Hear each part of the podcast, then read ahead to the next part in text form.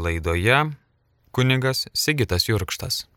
Garbėjai Kristui, mėly Marijos radio klausytojai, šiandieną norėjau su jumis pasikalbėti apie mergelės Marijos apsiriškimus Lurdę. Paprašykime Dievo motinos užtarimo, taip pat šventosios dvasios apšvietimo, kad gilinimasis į šitą Dievo per mergelę Mariją perdodamą žinę padėtų mums arčiau ir greičiau priartėti prie Marijos sunaus Jėzaus. Meldžiame mergelę Mariją, mūsų motiną, Dievo motina, dėkojame tau, kad ateini į žemę, perdodė mums Dievo žinę, dėkoju tau, kad užtarė mūsų savo vaikus, kad rūpinėsi, jog nepatektume į pragarą, jog būtume išgelbėti. Meldžiame mergelę Mariją, melsk mums šventosios dvasios dovanos, ypatingai supratimo, išminties, atskirimo dovanos, padėk mums priimti tą žinią, kurią Dievas per tave nori mums perduoti, padėk ją suprasti, kad galėtume kuo greičiau atsiversti, kuo liau vykdyti Dievo įsakymus, prašom per Kristų mūsų viešpatį.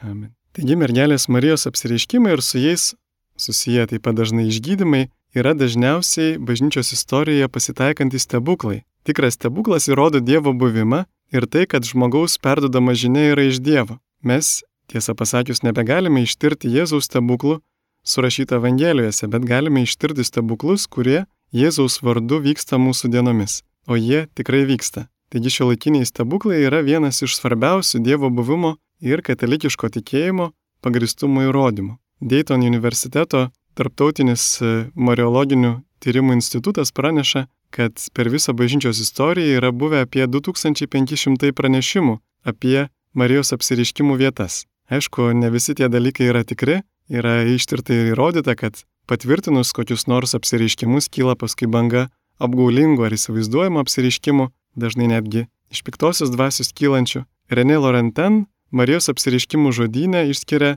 308 apsiriškimus šventiesiems. Juos bažnyčia pagal nutilėjimą irgi pripažįsta, Tačiau yra buvę visai, galėtume sakyti, kitokios rušies Marijos apsireiškimų, kuriuos bažnyčia nors ir vadina privačiais, bet jų žinia adresuota ne tam gavėjui, ne tam regėtojui, ne dėl jo paties asmeninio šventumo, bet mergelė Marija tiesiog ir prašo tą žinią perduoti visiems - to miesto, to šalies, netgi viso pasaulio žmonėms. Ir tokių mergelės Marijos apsireiškimų bažnyčia patvirtino kaip antgamtiškus vos 26 iš 2,5 tūkstančio, taigi 1 procentas. Iš jų 16 dar sulaukė tokio ypatingesnio Vatikano pripažinimo, nors pats aukščiausias pripažinimas ir yra pagal kanonų teisę būtent vietos vyskupo pripažinimas. Marijos apsiriškimas Šilovoje irgi galėtume džiaugtis patenka į šitą mažytę grupę 16 Vatikano pripažintų mergelės Marijos apsiriškimų pasaulyje per visą bažnyčios istoriją. Dar Egipto koptų bažnyčia yra pripažinusi penkis mergelės Marijos apsiriškimus 20 amžiui. Viena vertus tai rodo, kaip kritiškai mūsų bažnyčia reaguoja į tokius apsiriškimus ir kad pripažinti apsiriškimai iš tikrųjų yra tie patys patikimiausi iš tų kelių tūkstančių. Pradiškai visus juos lydėjo gausus ant gamtiniai ženklai, ypač stebuklingi išgyjimai apsiriškimų vietose. Kita vertus, labai dažnai tiesiog ir pritrūksta domenų pasakyti, kurie apsiriškimai yra iš tiesų tikri. Kai kur tyrimai tebe vyksta, pavyzdžiui, Prancūzijoje Laus vietovėje 17 amžiuje vykę ir 54 metus trukę apsireiškimai bažnyčios pripažinti ant gamtinys buvo tik po 344 metų. Taigi kartais net ir, kažina, reikėtų laukti, kol bažnyčia pripažįsta tuos apsireiškimus, turbūt mums neužtektų gyvenimo, jeigu reikėtų laukti 344 metus, bet turim atkreipti dėmesį ir į tuos, kurie jau yra pripažinti ir į tai, kad, na, mergelės Marijos žinia visą laiką kartojasi. Bažnyčia dažniausiai nieko neskelbia, daugumoje atveju tik tai būdi ir stebi tų apsiriškimų vaisius. Ir kai prakalbai, dažniausiai pasisako neigiamai, siekdama tos apsaugoti tikinčiuosius nuo netikrų apgaulingų dalykų kylančių iš žmogaus vaizduotės ar iš sutrikusio, e, sutrikusios psichikos, ar iš savanaudiškų interesų, ar net iš demono apgaulės.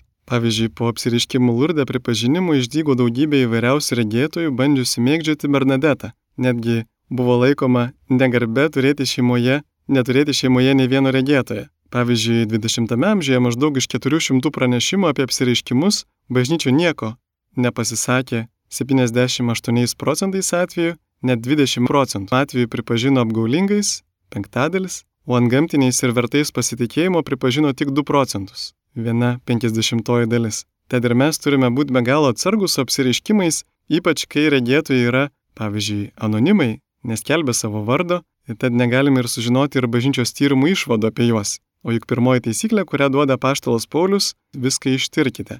Pavyzdžiui, teko girdėti apie tokius keistus apsiriškimus, kurie skelbia, kad žmonės bus valdomi per mikročipų implantaciją. Neva tai parašyta Biblijos apriškimo knygoje. Tokiais e, klėdėsiais velnės siekia mažiausiai dviejų dalykų - sugundinti tikinčiuosius nepasitikėti ir nepaklusti popiežiui ir jo viskupams. O Jėzus kaip sakė, kad štai ant tos salos aš pastatysiu savo bažnyčią ir pragaro vartai jos nenugalės. Paklydusi avis nuo kaiminės atsiskyrusi avelė yra lengvas grobis kiekvienam vilkui. Prisiminkime, nepasitikėjimas ir iš to sekęs neklusnumas buvo pirmasis šito nugundimas Biblijos pasakojime apie rojų sodę. Antras dalykas tai netikinčiųjų akise parodo krikščionis kaip fanatikus, kaip nesivadovaujančius protu, besipriešinančius mokslo pažangai, juk tas žvėries ženklas ant rankos ir ant kaktos yra priešingybė pakartoto įstatymo knygoje minimo raginimo įsidėkite šios mano žodžius savo širdį ir sielą, prisiriškite juos kaip ženklą prie rankos ir pritvirtinkite juos kaip žymę savo ant kaktos. Tie žodžiai tai yra tokios keturios kertinės ištraukos iš išėjimo bei pakartotų įstatymo knygų, tarp kurių esminis yra tas didysis įsakymas - mylėsi viešpatį savo Dievą visa širdimi, visa siela ir visomis jėgomis. Taigi žvėries ženklas ir yra tas priminimas nemylėti Dievo ir jam nepaklusti. Mes priimame žvėries ženklą ne per kažkokius tai čipus, kas yra visiškas absurdas, bet per neklusnumą Dievui ir atsisakymą jį mylėti labiau už viską. Todėl labai daug prarandame, jeigu užkimbamam tokių visokio plauko apsiriškimų ir imame skaityti šventą raštą taip, kaip mums šauna į galvą, o ne kartu su visa bažnyčia, su vienybėje, su visais šventaisiais, kurie skaitė šventąjį raštą ir su visa bažnyčios tradicija. Bažnyčios pripažinti apsiriškimai labai skirtingi. Vienur Marija apsireiškia vieną kartą kaip Šiluvoje, kitur keliolika kartų kaip Lurde, kitur tūkstančius kartų kaip San Nikolas Argentinoje, vienur vienam žmogui, kitur keliems, kitose vietose kaip Egipte netgi šimtiems tūkstančių ar netgi milijonams. Taigi negalėtume sakyti, kad štai, kodėl Marija apsireiškia tik tai regėtojams. Ne, iš tikrųjų buvo vietų, kur jie apsireiškė visiems žmonėms, kur jie matė, kaip minėjau, milijonai. Taip pat negalim sakyti, štai kodėl vienose vietose Marija atrodo pasirodo per daug kartų. Irgi to negalim sakyti, nes yra bažnyčios pripažintų, pilnai pripažintų apsiriškimų, kur Marija apsireiškė tūkstančius kartų. Taigi, vienur regėtojai buvo tikintis, kitur netikintis, nors aišku dažniau tikintis, vienur tapo vienuoliais, kaip Lurde Fatimai, kitur, aišku, taip ir dažniau nutikdavo, kad sukūrė šeimas, galime prisiminti paštalo Pauliaus žodžius, visiems tapau viskuo, kad vienai par kitai bent jau kai kuriuos išgelbėčiau iš pirmo laiško korintiečiams. Tikriausiai ir Dievas taip ieško įvairiausių būdų, prisibelsti žmonių širdis. Ir vienas iš tų būdų ir yra mergelės Marijos apsiriškimai. Tačiau taip pat reikia pabrėžti, kad, nepaisant apsiriškimo aplinkybių įvairovės, jų žinia yra labai vienoda, labai pastovi. Tai yra perspėjimas dėl žmonių jos nuodėmių gausumo, kvietimas atgailauti ir atsiversti, tikėti Jėzumi Kristumi, gyventi pagal Evangeliją, kad Biblija nėra pasenusi, Evangelija nėra pasenusi, kaip skelbia kai kurie, taip pat apsiriškimai arba New Age įvairius mokymai arba įvairios filosofijos. Taip pat labai dažnai tuose apsiriškimuose Marija pabrėžia sakramentų, ypač Euharistijos ir išpažinties svarbą, taip pat rožinio maldos, pasišventimo, nekalčiausiai Marijos širdžiai svarbą. Beveik visi Marijos apsiriškimai yra kartu ir raginimas priimti mergelės Marijos motiniškų užtarimo dovaną konkrečiu būdu, melžiantis rožinį. Ypatingai taip pat raginama melsis ir aukotis už nusidėlius, kuriems grėsia patikimas į pragarą. Marijos apsireiškimuose taip pat pakartojama biblinė žinia, kad įvairių nelaimių žemėje, karų, lygų, bado priežastis yra ne kažkokie natūralūs reiškiniai, bet žmonių nuodėmės. Mes ir patys galime nesunkiai suprasti, kad, e, kad ir koks nors badas arba štai dabar klimato atšilimas kyla dėl būtent žmonių godumo, dėl nesirūpinimo kitais, e, kaip sakoma, po manęs nors ir tvanas. Marija taip pat kalba, kad jeigu žmonės nori išvengti Dievo bausmės, ji nėra E, būtinai įvyksianti, bet žmonės gali jos išvengti, jie turi grįžti pas Dievą ir pradėti dorai gyventi tikėjimu. Taigi Marija čia vykdo pranašišką perspėjimo misiją, panašiai kaip pavyzdžiui pranašas Jona ėjo į Ninevės miestą perspėti tą gausų miestą, kad bus sunaikintas, žmonės pradėjo atgailauti ir jie pasitaisė ir Dievas jų nebesunaikino. Tai lygiai taip pat ir šiandieną Dievas siunčia Mariją šiais visais laikais, kad mes atsiverstume ir tokiu būdu išvengtume visų busimųjų nelaimių. Kardinolas Ratzingeris priskiria Marijos apsiriškimus, kaip minėjau, tai pranašystės charizmai ir juose, nors ir yra tų ateities pranašyščių, bet anot Ratzingerio būsimo Benedikto XVI popiežiaus biblinė pranašystės prasme visų pirma yra Dievo valios dabarčiai skleidimas, padedantis teisingai žengti į ateitį. Pavyzdžiui, pas burėjų žmonės eina, norėdami sužinoti, kokios bus aplinkybės, kas įvyks. O Dievas tai laiko nuodėmė įima pas burėjus, bet mums apreiškia, ką mes dabar turim daryti, kad, kad ir kas be nutiktų, mes įvykdytume Dievo valią ir išsaugotume ramybę ir galėtume džiaugtis paskui savo gerų darbų vaisiais. Galėtume vėl klausti, kodėl dažniausiai apsireiškia Marija, o ne Jėzus. Labai geras klausimas. Yra aišku ir Jėzus apsiriškimų, bet Marijos apsiriškimų yra daugiau, žymiai daugiau. Galėtume irgi pastebėti šiais laikais, kad yra daug bažnyčių judėjimų net sektų mininčių Jėzaus vardą galim pastebėti, kad Dievas vis dėlto teikia šventąją dvasę visiems geros valios žmonėms, ypač įtikėjusiems į Jėzų Kristų, kaip skelbia antro Vatikano susirinkimas dokumentuose savo, kad šventoji dvasia net prieš mums įtikint jau dirba mūsų sieloje, jau ruošia mus priimti Jėzų. Ir įvairios religijos, įvairūs dvasingumai gali būti kelias ir turbūt yra tas kelias pas Jėzų. Bet mergelės Marijos apsireiškimai vyksta beveik išimtinai tik katalikų bažnyčioje. Ir dar labai įdomus dalykas, nesunku pastebėti, kad jie prasidėjo būtent po reformacijos. 16 amžiuje pirmasis toks visuotinai pripažintas Marijos apsireiškimas įvyko 1531-aisiais Jonui Didokui Gvadalupėje. Taigi Marijos apsireiškimai yra Dievo duodamas ženklas, kviečiantis į vienybę su bažnyčia, pastatyta ant apaštulų pamato, katalikų bažnyčia ir saugantis nuo tolesnio bažnyčios kilimo. Nors reformacija atnešė ir daug gero, pagreitino Biblijos vertimus į gimtasias kalbas, išryškino Dievo malonės dovanos pirmumą, atskleidė katalikų bažnyčios tarnų nedarybės ir piknaudžiavimus, vis dėlto dėja su vandeniu išpiltas ir kūdikis. Metus popiežiaus autoritetą nebeliko bažnyčios vienybės, su jie ir jos vienybės sakramento Euharistijos, kurioje Jėzus, kaip pranašavo pranašas Ezekielis, atiduoda tikrą savo širdį, kad padėtų mums laikytis jo įsakymų, nebeliko po krikšto padarytų nuodėmę atleidimo sakramento, mergelė Marija imta laikyti ne pagalbininkė, bet kliūtimi, artinantis prie Jėzaus, imtas niekinti jos užtarimas, jos motinystė bažnyčiai, netgi kai kuriuose apsiriškimuose Marija Dievo vardu prašo atsiteisimo būtent už jai padarytas nuodėmes, prieš jos nekalčiausiai širdį, prieš jos nekaltai prasidėjimą, niekinant jos atvaizdus statulas už tą nepagarbą Dievui ir mūsų motinai. Visas šventosios dvasios veikimas ir vedimas bažnyčios tradicijoje taip pat po reformacijos paniktas atmesti ir tobulumą skatinantis šventųjų pavyzdžiai,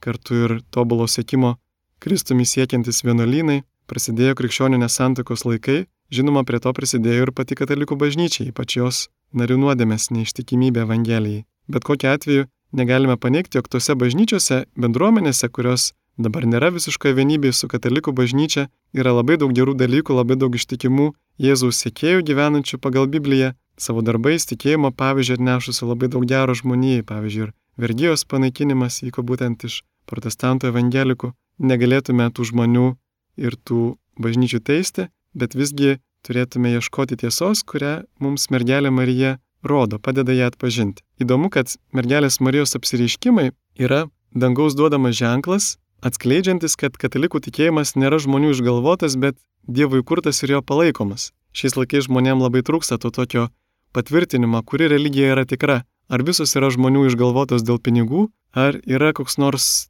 tikras tikėjimas. Ir čia irgi mergelės Marijos apsireiškimo mums ateina labai į pagalbą. Mergelė Marija apsireiškia, kaip minėjau, būtent katalikų bažnyčių išimtis yra tik keli labai ypatingi Marijos apsireiškimai kopto ortodoksų bažnyčioje. Jie bei irgi, nežinau ar čia sutapimas ar ne, prasidėjo būtent praėjus keliams metams po to, kai katalikų ir ortodoksų bažnyčios atšaukė abipusės ekskomunikas. E, ir Egiptas yra ta vieta, kur šventoji šeima bėgo nuo persekiojimų. Tad ir Marijos apsiriškimai Egipte tikriausiai yra pranašiškas ženklas susijęs su krikščionių persekiojimais. Marija yra musulmonų labai gerbiama moteris, tad ir savo apsiriškimais įsiekia juos prakalbinti, priartinti prie savo sunaus Jėzaus. Egipte, beje, musulmonai sudaro net 95 procentus gyventojų. Prisiminkime ir Marijos apsiriškimus Fatimoje, žinomiausias turbūt bažnyčios istorijoje, juk Fatima yra musulmoniškas vardas, dar daugiau tai buvo jauniausia ir pasak kai kurių šaltinių vienintelė tikra pranašo Mahometo dukra. Ji taip pat labai gerbiama islame. Taigi turbūt nereikia didelės išvalgos suprasti, kad tais apsireiškimais mergelė Marija, tiksliau Dievas per mergelę Mariją taip pat siekia prakalbinti ir musulmonus. Marijos apsireiškimų tikslas ne ką nors pridėti prie Evangelijos, bet savo pasirodymo ženklais atgaivinti žmonių tikėjimą, paskatinti tikėti bei pasitikėti jos sunumi Jėzumi, tuo, kas apie jį parašyta Evangelijoje. Kita vertus, jie taip pat atskleidžia ypatingą mergelės Marijos vaidmenį žmonijos išganimo plane, kuris nėra taip aiškiai atskleistas Biblijoje. Ir tas jos motinos bei užtarėjos vaidmuo nėra jos pačios prisimtas, bet Dievo jai duotas. Dalis Marijos apsiriškimų yra susijęs su pagarbos Dievo motinai gražinimu ir Biblijoje tiek Senajame, tiek Naujajame testamente, tiek prieš Jėzų, tiek po Jėzų žengimų į dangų labai aiškiai išryškinama teisių žmonių užtarimo maldos svarba. Ta mūsų katalikų pamaldumą mergeliai Marijai prašant jos užtarimo labai klaidingai protestantai priskiria stabmeldystį. Tai nėra jokia stabmeldystė, bet tai yra prašymas užtarimo, kaip sako Šventas Jeronimas, jeigu mes, jeigu paštalas Paulius galėjo paprašyti savo brolių užtarimo, tai tuo labiau mes galime prašyti tų užtarimo, kuries tikrai žinome esant danguje prie Dievo sosto, kurie mus užtarė ir dėl savo ypatingo gyvenimo nuopelnų gali mums padėti savo užtarimu. Netgi seniausias krikščionių tikėjimo išpažinimas yra įtvirtintas tikėjimas šventųjų bendravimu. Kodėl turėtume gilintis į apsiriškimus? Tai pirmą, jie vaduoja mus iš drungnumo, gaivina tikėjimą, viltį, meilę, padeda ne tik vienu pirštu remtis į tikėjimą, bet visą savo gyvenimą statyti ant tikėjimo Jėzumi Kristumi pamato. Antra, jie duoda mums ramybę ir tikrumą, kad Biblija, ypač Evangelija, yra patikimas Dievo prieškimas, tad su pasitikėjimu turėtume pagal ją gyventi, neieškodami naujienų ar sensacijų, Trečias dalykas tai jie primena, kad esame atsakingi už kitas sielas ir galime padėti Jėzui jas išgelbėti nuo amžinos pražūties pragare, kad pragaras tikrai egzistuoja ir tikrai visi turime šansą ten patekti. Todėl ta žinia yra skubi ir svarbi. Taip pat apsiriškimai primena, kad karai, lygos badas yra žmonių nuodėmių pasiekmė. Ir žmonės turi visų pirma atsiversti, jei nori gyventi taikoje ir gerovėje. Ir penkta, tie Apsireiškimai pamažu atskleidžia iki šiol paslėptą mergelės Marijos vaidmenį mūsų kelionėje į išganimą. Apsireiškimai patvirtina kai kurių bažnyčios tėvų išvalgas, kad Marija yra visų mūsų, ne tik Jėzaus motina, ne tik Jono motina, jei Jėzaus jam patikėta, kad ji yra taip pat toji moteris apsisiautusi Saulę, kovojanti prieš šetoną, mus nuo jo sauganti savo maldą, kad per ją Dievo sūnus sutrins šetonui galvą, kad būdami su ją daug greičiau nueisime pas Jėzų. Jonas Paulius II pasiremdamas antro Vatikano susirinkimo mokymų savo apaštališkajame laiške Tercijo Milenijo Advenijente rašo, negalime iškelti Kristaus kaip visako centro,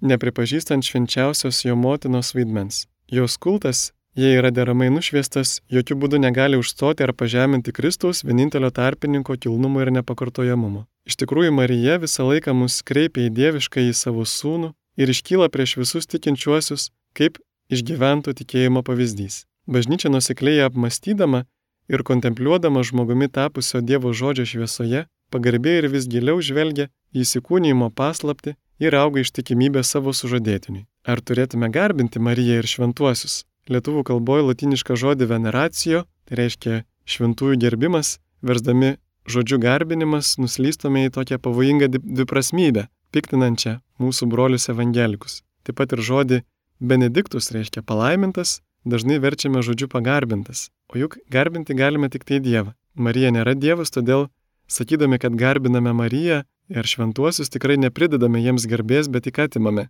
nes tokie pareiškimai skaldo bažnyčią yra, na jie neleidžia sugrįžti evangelikams į vienybę su katalikų bažnyčia. Visiškai netikės yra pavyzdžiui tradicinio latiniško himno Benediktus Deus - garbinkime Dievą vertimas. Originaliame tekste sakoma palaiminta Dievo motina švenčiausiai Marija palaimintas jos į dangų paėmimas, palaimintas Marijos mergelės ir motinos vardas, palaimintas Juozapas, skaistusis jos sužadėtinis, palaimintas Dievas savo angeluose ir šventuosiuose, bet ne, garbinkime Dievą su jo angelais ir šventaisiais. Tad dabartinis lietuviškas vertimas tikrai yra tas gyvas papiktinimas ir jo reikėtų atsisakyti. Na dabar pereikime prie Lurdo istorijos. Tikrai labai įdomi istorija, apie ją yra daug prirašyta ir knygų, ir filmų pastatyta, Kartais ir internete mes matome tik tai tokius trumpus straipsnelius apie tai, kas ten įvyko, žinome vieną kitą detalę, bet visai pravartu yra pasigilinti į tą žinę, kurią Dievas norėjo atskleisti per šitos mergelės Marijos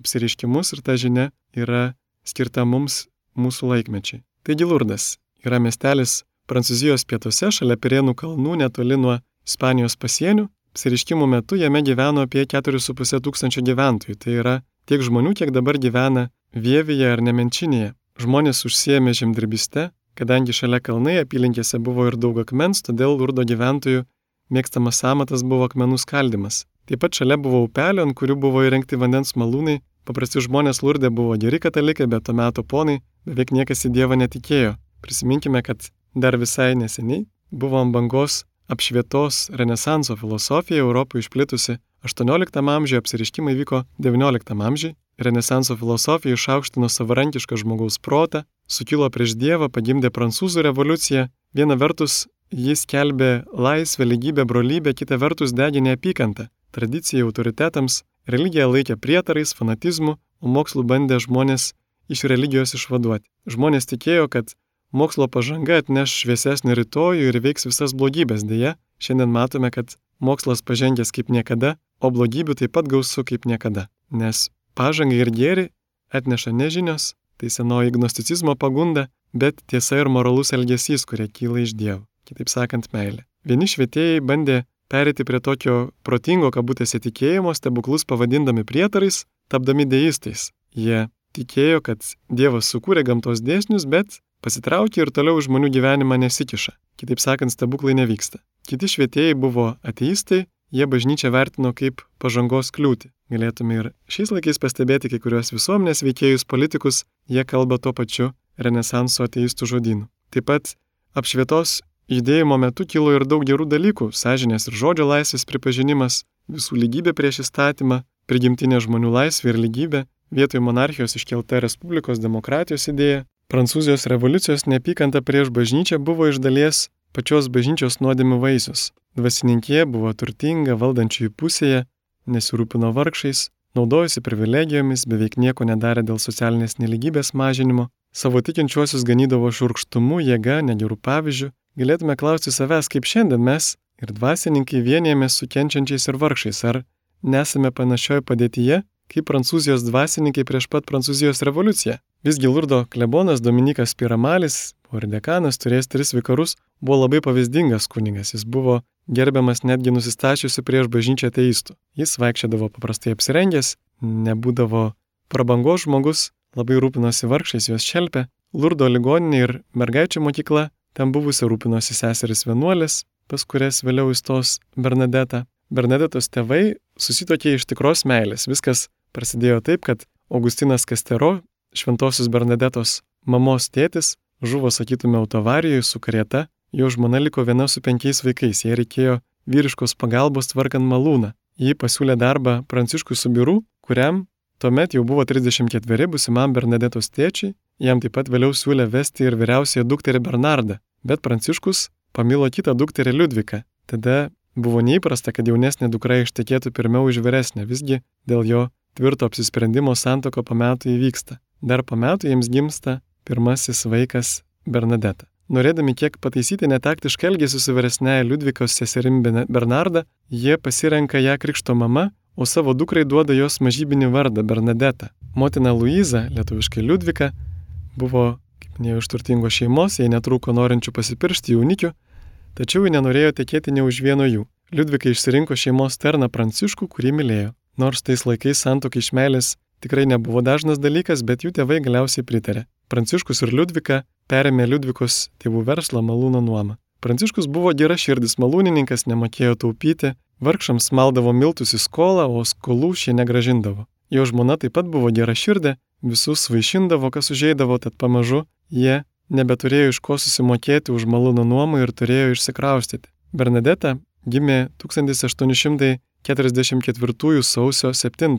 Vardas buvo parinktas ne tik jos krikšto mamos Bernardus, bet ir Švento Bernardo garbiai. Ji buvo vyriausia iš devinių vaikų, bet jie išgyveno tik tai keturiese. Jos gyvenimas buvo sunkus, ji turėjo astmą, dešimties metų susirgo cholera, pasveiko, bet jos pasiekmes liko visam gyvenimui, visa šeima valgydavo iš neturto tik tai ryžių tyrę, tėvai sergančiai Bernadetai nupirkdavo ir duonos, kartais vyno su cukrumi, bet kiti vaikai ją užpuldavo ir, nesuprasdami, kodėl jai turėtų atitekti geresnis maistas, priversdavo ją su jais pasidalinti. Bernadeta dėja nemokėjo nei rašyti, nei skaityti, kalbėjo tik vietinę tarmę, kuri labai stipriai skiriasi nuo prancūzų kalbos. Ji nemokėjo rašyti, nei skaityti, todėl kad turėjo rūpintis savo šeimos vaikais, nes tėvai dirbo ir nebuvo kam prižiūrėti vaikų. Ir tai, kad ji nemokėjo nei rašyti, nei skaityti ir, ir kad kalbėjo tik vietinę tarmę, jai sutrukdė eiti katekizmo pamokas ir pasiruošti pirmąjį komunijai, kuri buvo didžiausias jos vaikystės tikslas. Mūsų dienų vaikus kartais net ir sunku nuvaryti tą pirmąją komuniją. Taigi koks buvo Bernadetos tikėjimas nuo pat mažens. Prancūzų kalbą jie išmoks tik vėliau eidama į neverusių serų globojamą mokyklą. Vaikystėje, kada jie gyveno buli malūne, ji jautėsi laiminga. Gyvenimas šeimoje buvo tikrai nuostabi meilės, maldos, darbo mokykla, jos tėvai iš tikrųjų mylėjo vienas kitą, dėl to buvo laimingi ir vaikai.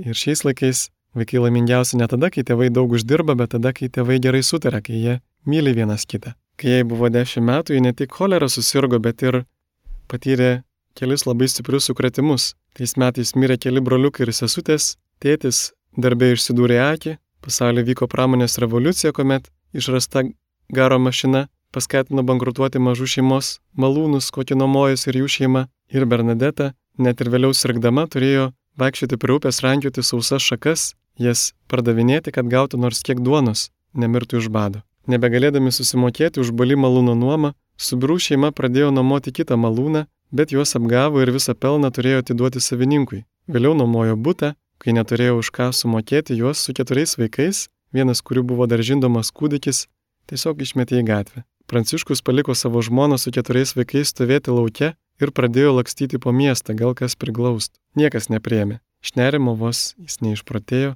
tuomet prisiminė, kad žmonos pusbrolis Andrius turėjo lūšną, kurioje laikydavo kalinius, bet ji buvo apleista, nes buvo pripažinta, kad kaliniai dėl nežmoniškų sąlygų negali ten gyventi. Pusbrolis nelabai norėjo įsileisti, nes galvojo, kad paskui reikės dar ir maitinti juos, nepasitikėjo ir savo žmona, kad ji iš gailėšio nepradėtų jų šelbti, neišdalintų šeimos turto, bet galiausiai priemi. Subirų šeima apsigyveno to paties praščiausio pastato mieste, pačioje praščiausioje patalpoje - 16 kvadratų, kuri buvo ir virtuvė, ir valgomasis, ir mėgamasis šešiems žmonėms. Visi jų baldai buvo dvi senos lovos ir skrinė drabužiams.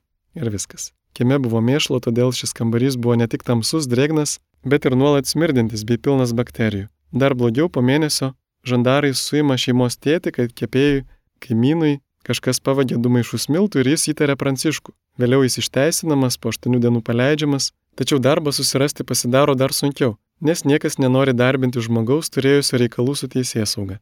Kaip ir šiais laikais grįžusiems iš kalėjimo tikrai nėra lengva vėl pradėti gyventi normalų gyvenimą. Pusbrolio baimės nepasitvirtino, kad ir kaip skurdžiai gyveno su biurų šeima, nei tėvai, nei vaikai niekam nesiskūsdavo, nieko jų neprašydavo. Galėtume taip pat prisiminti, kad ir, pavyzdžiui, labdaros organizacijos irgi dažnai pastebi, kad tie patys vargingiausiai jie nesikreipia pagalbos, juos labai sunku surasti. Todėl didžiulė atsakomybė yra tiems, kurie pažįsta štai kokius nors visiškai vargšus žmonės neturtingus, nes dažnai jie neturi nei drąsos, nei neleidžia jiems tokia vargšo savigarba kreiptis ir ieškoti kažkur tai išmaldos, pagalbos. Niekas ir nebūtų sužinojęs, kaip vargingai jie gyvena, jei ne vienas atsitikimas, kai subirų jaunukas, septynių metų berniukas, kartą dalyvavo bažnyčioje mišiose ir pamatęs ant gridų nuvarvėjusi vašką, tas vaikelis pradėjo jį gramdyti ir godžiai valgyti. Tada žmonės suprato, kokiems skurde gyveno jų šeima. Žiemą jie ne tik neturėdavo malkų šildymui ir valgio virimui, bet neturėjo ir ką virti. Vaikai badaudami šalo drėgnoje lūšnoje, o tėvai labai silvartavo, matydami savo vaikus badaujančius. Tačiau tas vargas Subirų šeimai nebuvo vien tik į blogą, jie pradėjo karščiau tikėti Dievu, uoliau melstis, dažniau eiti iš pažinties, uoliau dirbti. Vaikai nuo mažens šiukšlėse ieškodavo vertingesnių daiktų, kuriuos galėtų parduoti, nusipirkti duonos. Niekas negirdėjo blogo žodžio iš vaikų, o jų tėvų tarpusavio meilė niekiek nesumažėjo, bet buvo jiems tarpusavio paguoda tuo sunkiu metu. Kai Bernadetai buvo 13, moteris iš gretimo Bartres kaimo, padėjusi kūdikystėje žindyti Bernadetą, kai jos motinai buvo apdegusi krūtinė, paprašė ją išleisti padėti prižiūrėti jos vaikus, pažadėdama išmokyti katekizmo, kad ji pagaliau galėtų priimti pirmąją komuniją. Tėvai mielai leido, nes džiaugiasi, kad bus viena burna mažiau maitinti. Bernadetai dažniau tekdavo žiūrėti ne vaikus, bet avis ir reikėjo viską daryti ir viską valyti. Neturtas buvo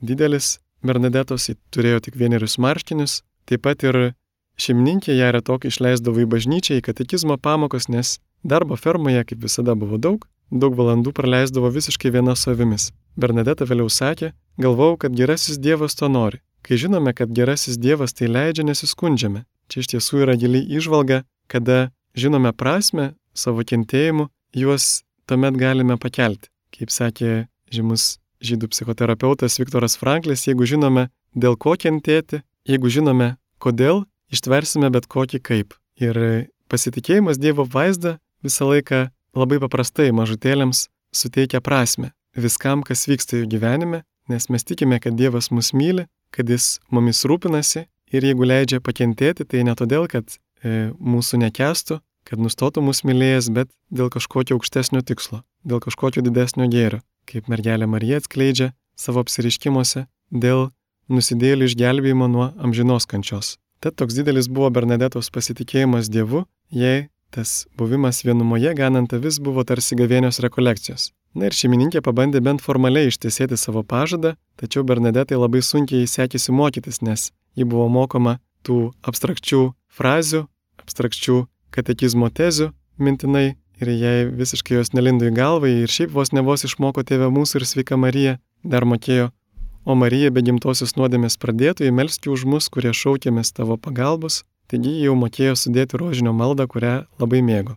Na, o šeimininkė neturėdama kantrybės užsimti su Bernadeta kartą pasakė, tu per kvaila niekad nepasiruoši pirmai komunijai. Dar kitą kartą jį pasakė, vargšė mergaitė, tu neverta net tos duonos, kurią mums kainuoji. Bet Dievas žvelgia kitaip negu žmogus. Prisiminkime ir Davido patepimą karaliumi Biblijoje, ten, kur žmogus mato didybę, Dievui tai niekis, o kur žmonės mato menkumą, Dievas gali išvelgti žmogų pagal jo širdį. Tikroji žmogaus didybė ne talentuose, proto gebėjimuose, gražioje išvaizdoje, fizinėje jėgoje, visa tai išnyks ir pavirs dulkėmis. Tikroji žmogaus didybė, kaip sakė kūdikėlis Jėzus šventai Faustinai, meilėje Dievui ir nuolankume. Tad ir Bernadeta per daug nesisieloja dėl tokių tėtos pareiškimų, bet ji Buvo linksma, darbšti, niekam nepriekaištaudavo, neprieštaraudavo. Vietiniai žmonės netgi liudijo keletą stebuklingų atsitikimų apie Bernadetą. Kartą matė persiskiriant patvinusi upelį, kad Bernadeta su avimis galėtų grįžti per audrą, kitą kartą jos šlapi nuo lietaus drabužiai visiškai staiga išdžiuvo. Po trijų mėnesių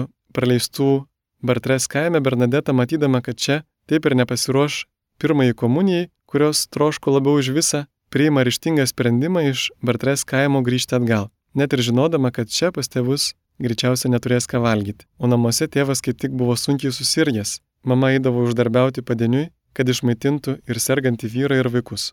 14 metų Bernadeta su 11 metų sesute eidavo ieškoti senų skudurų, gelžgalių, išmestų daiktų ir neždavo parduoti vienai poniai. Maistui pinigų vos užtekdavo, šildymui nebelikdavo, tad žiemą būdavo šalta.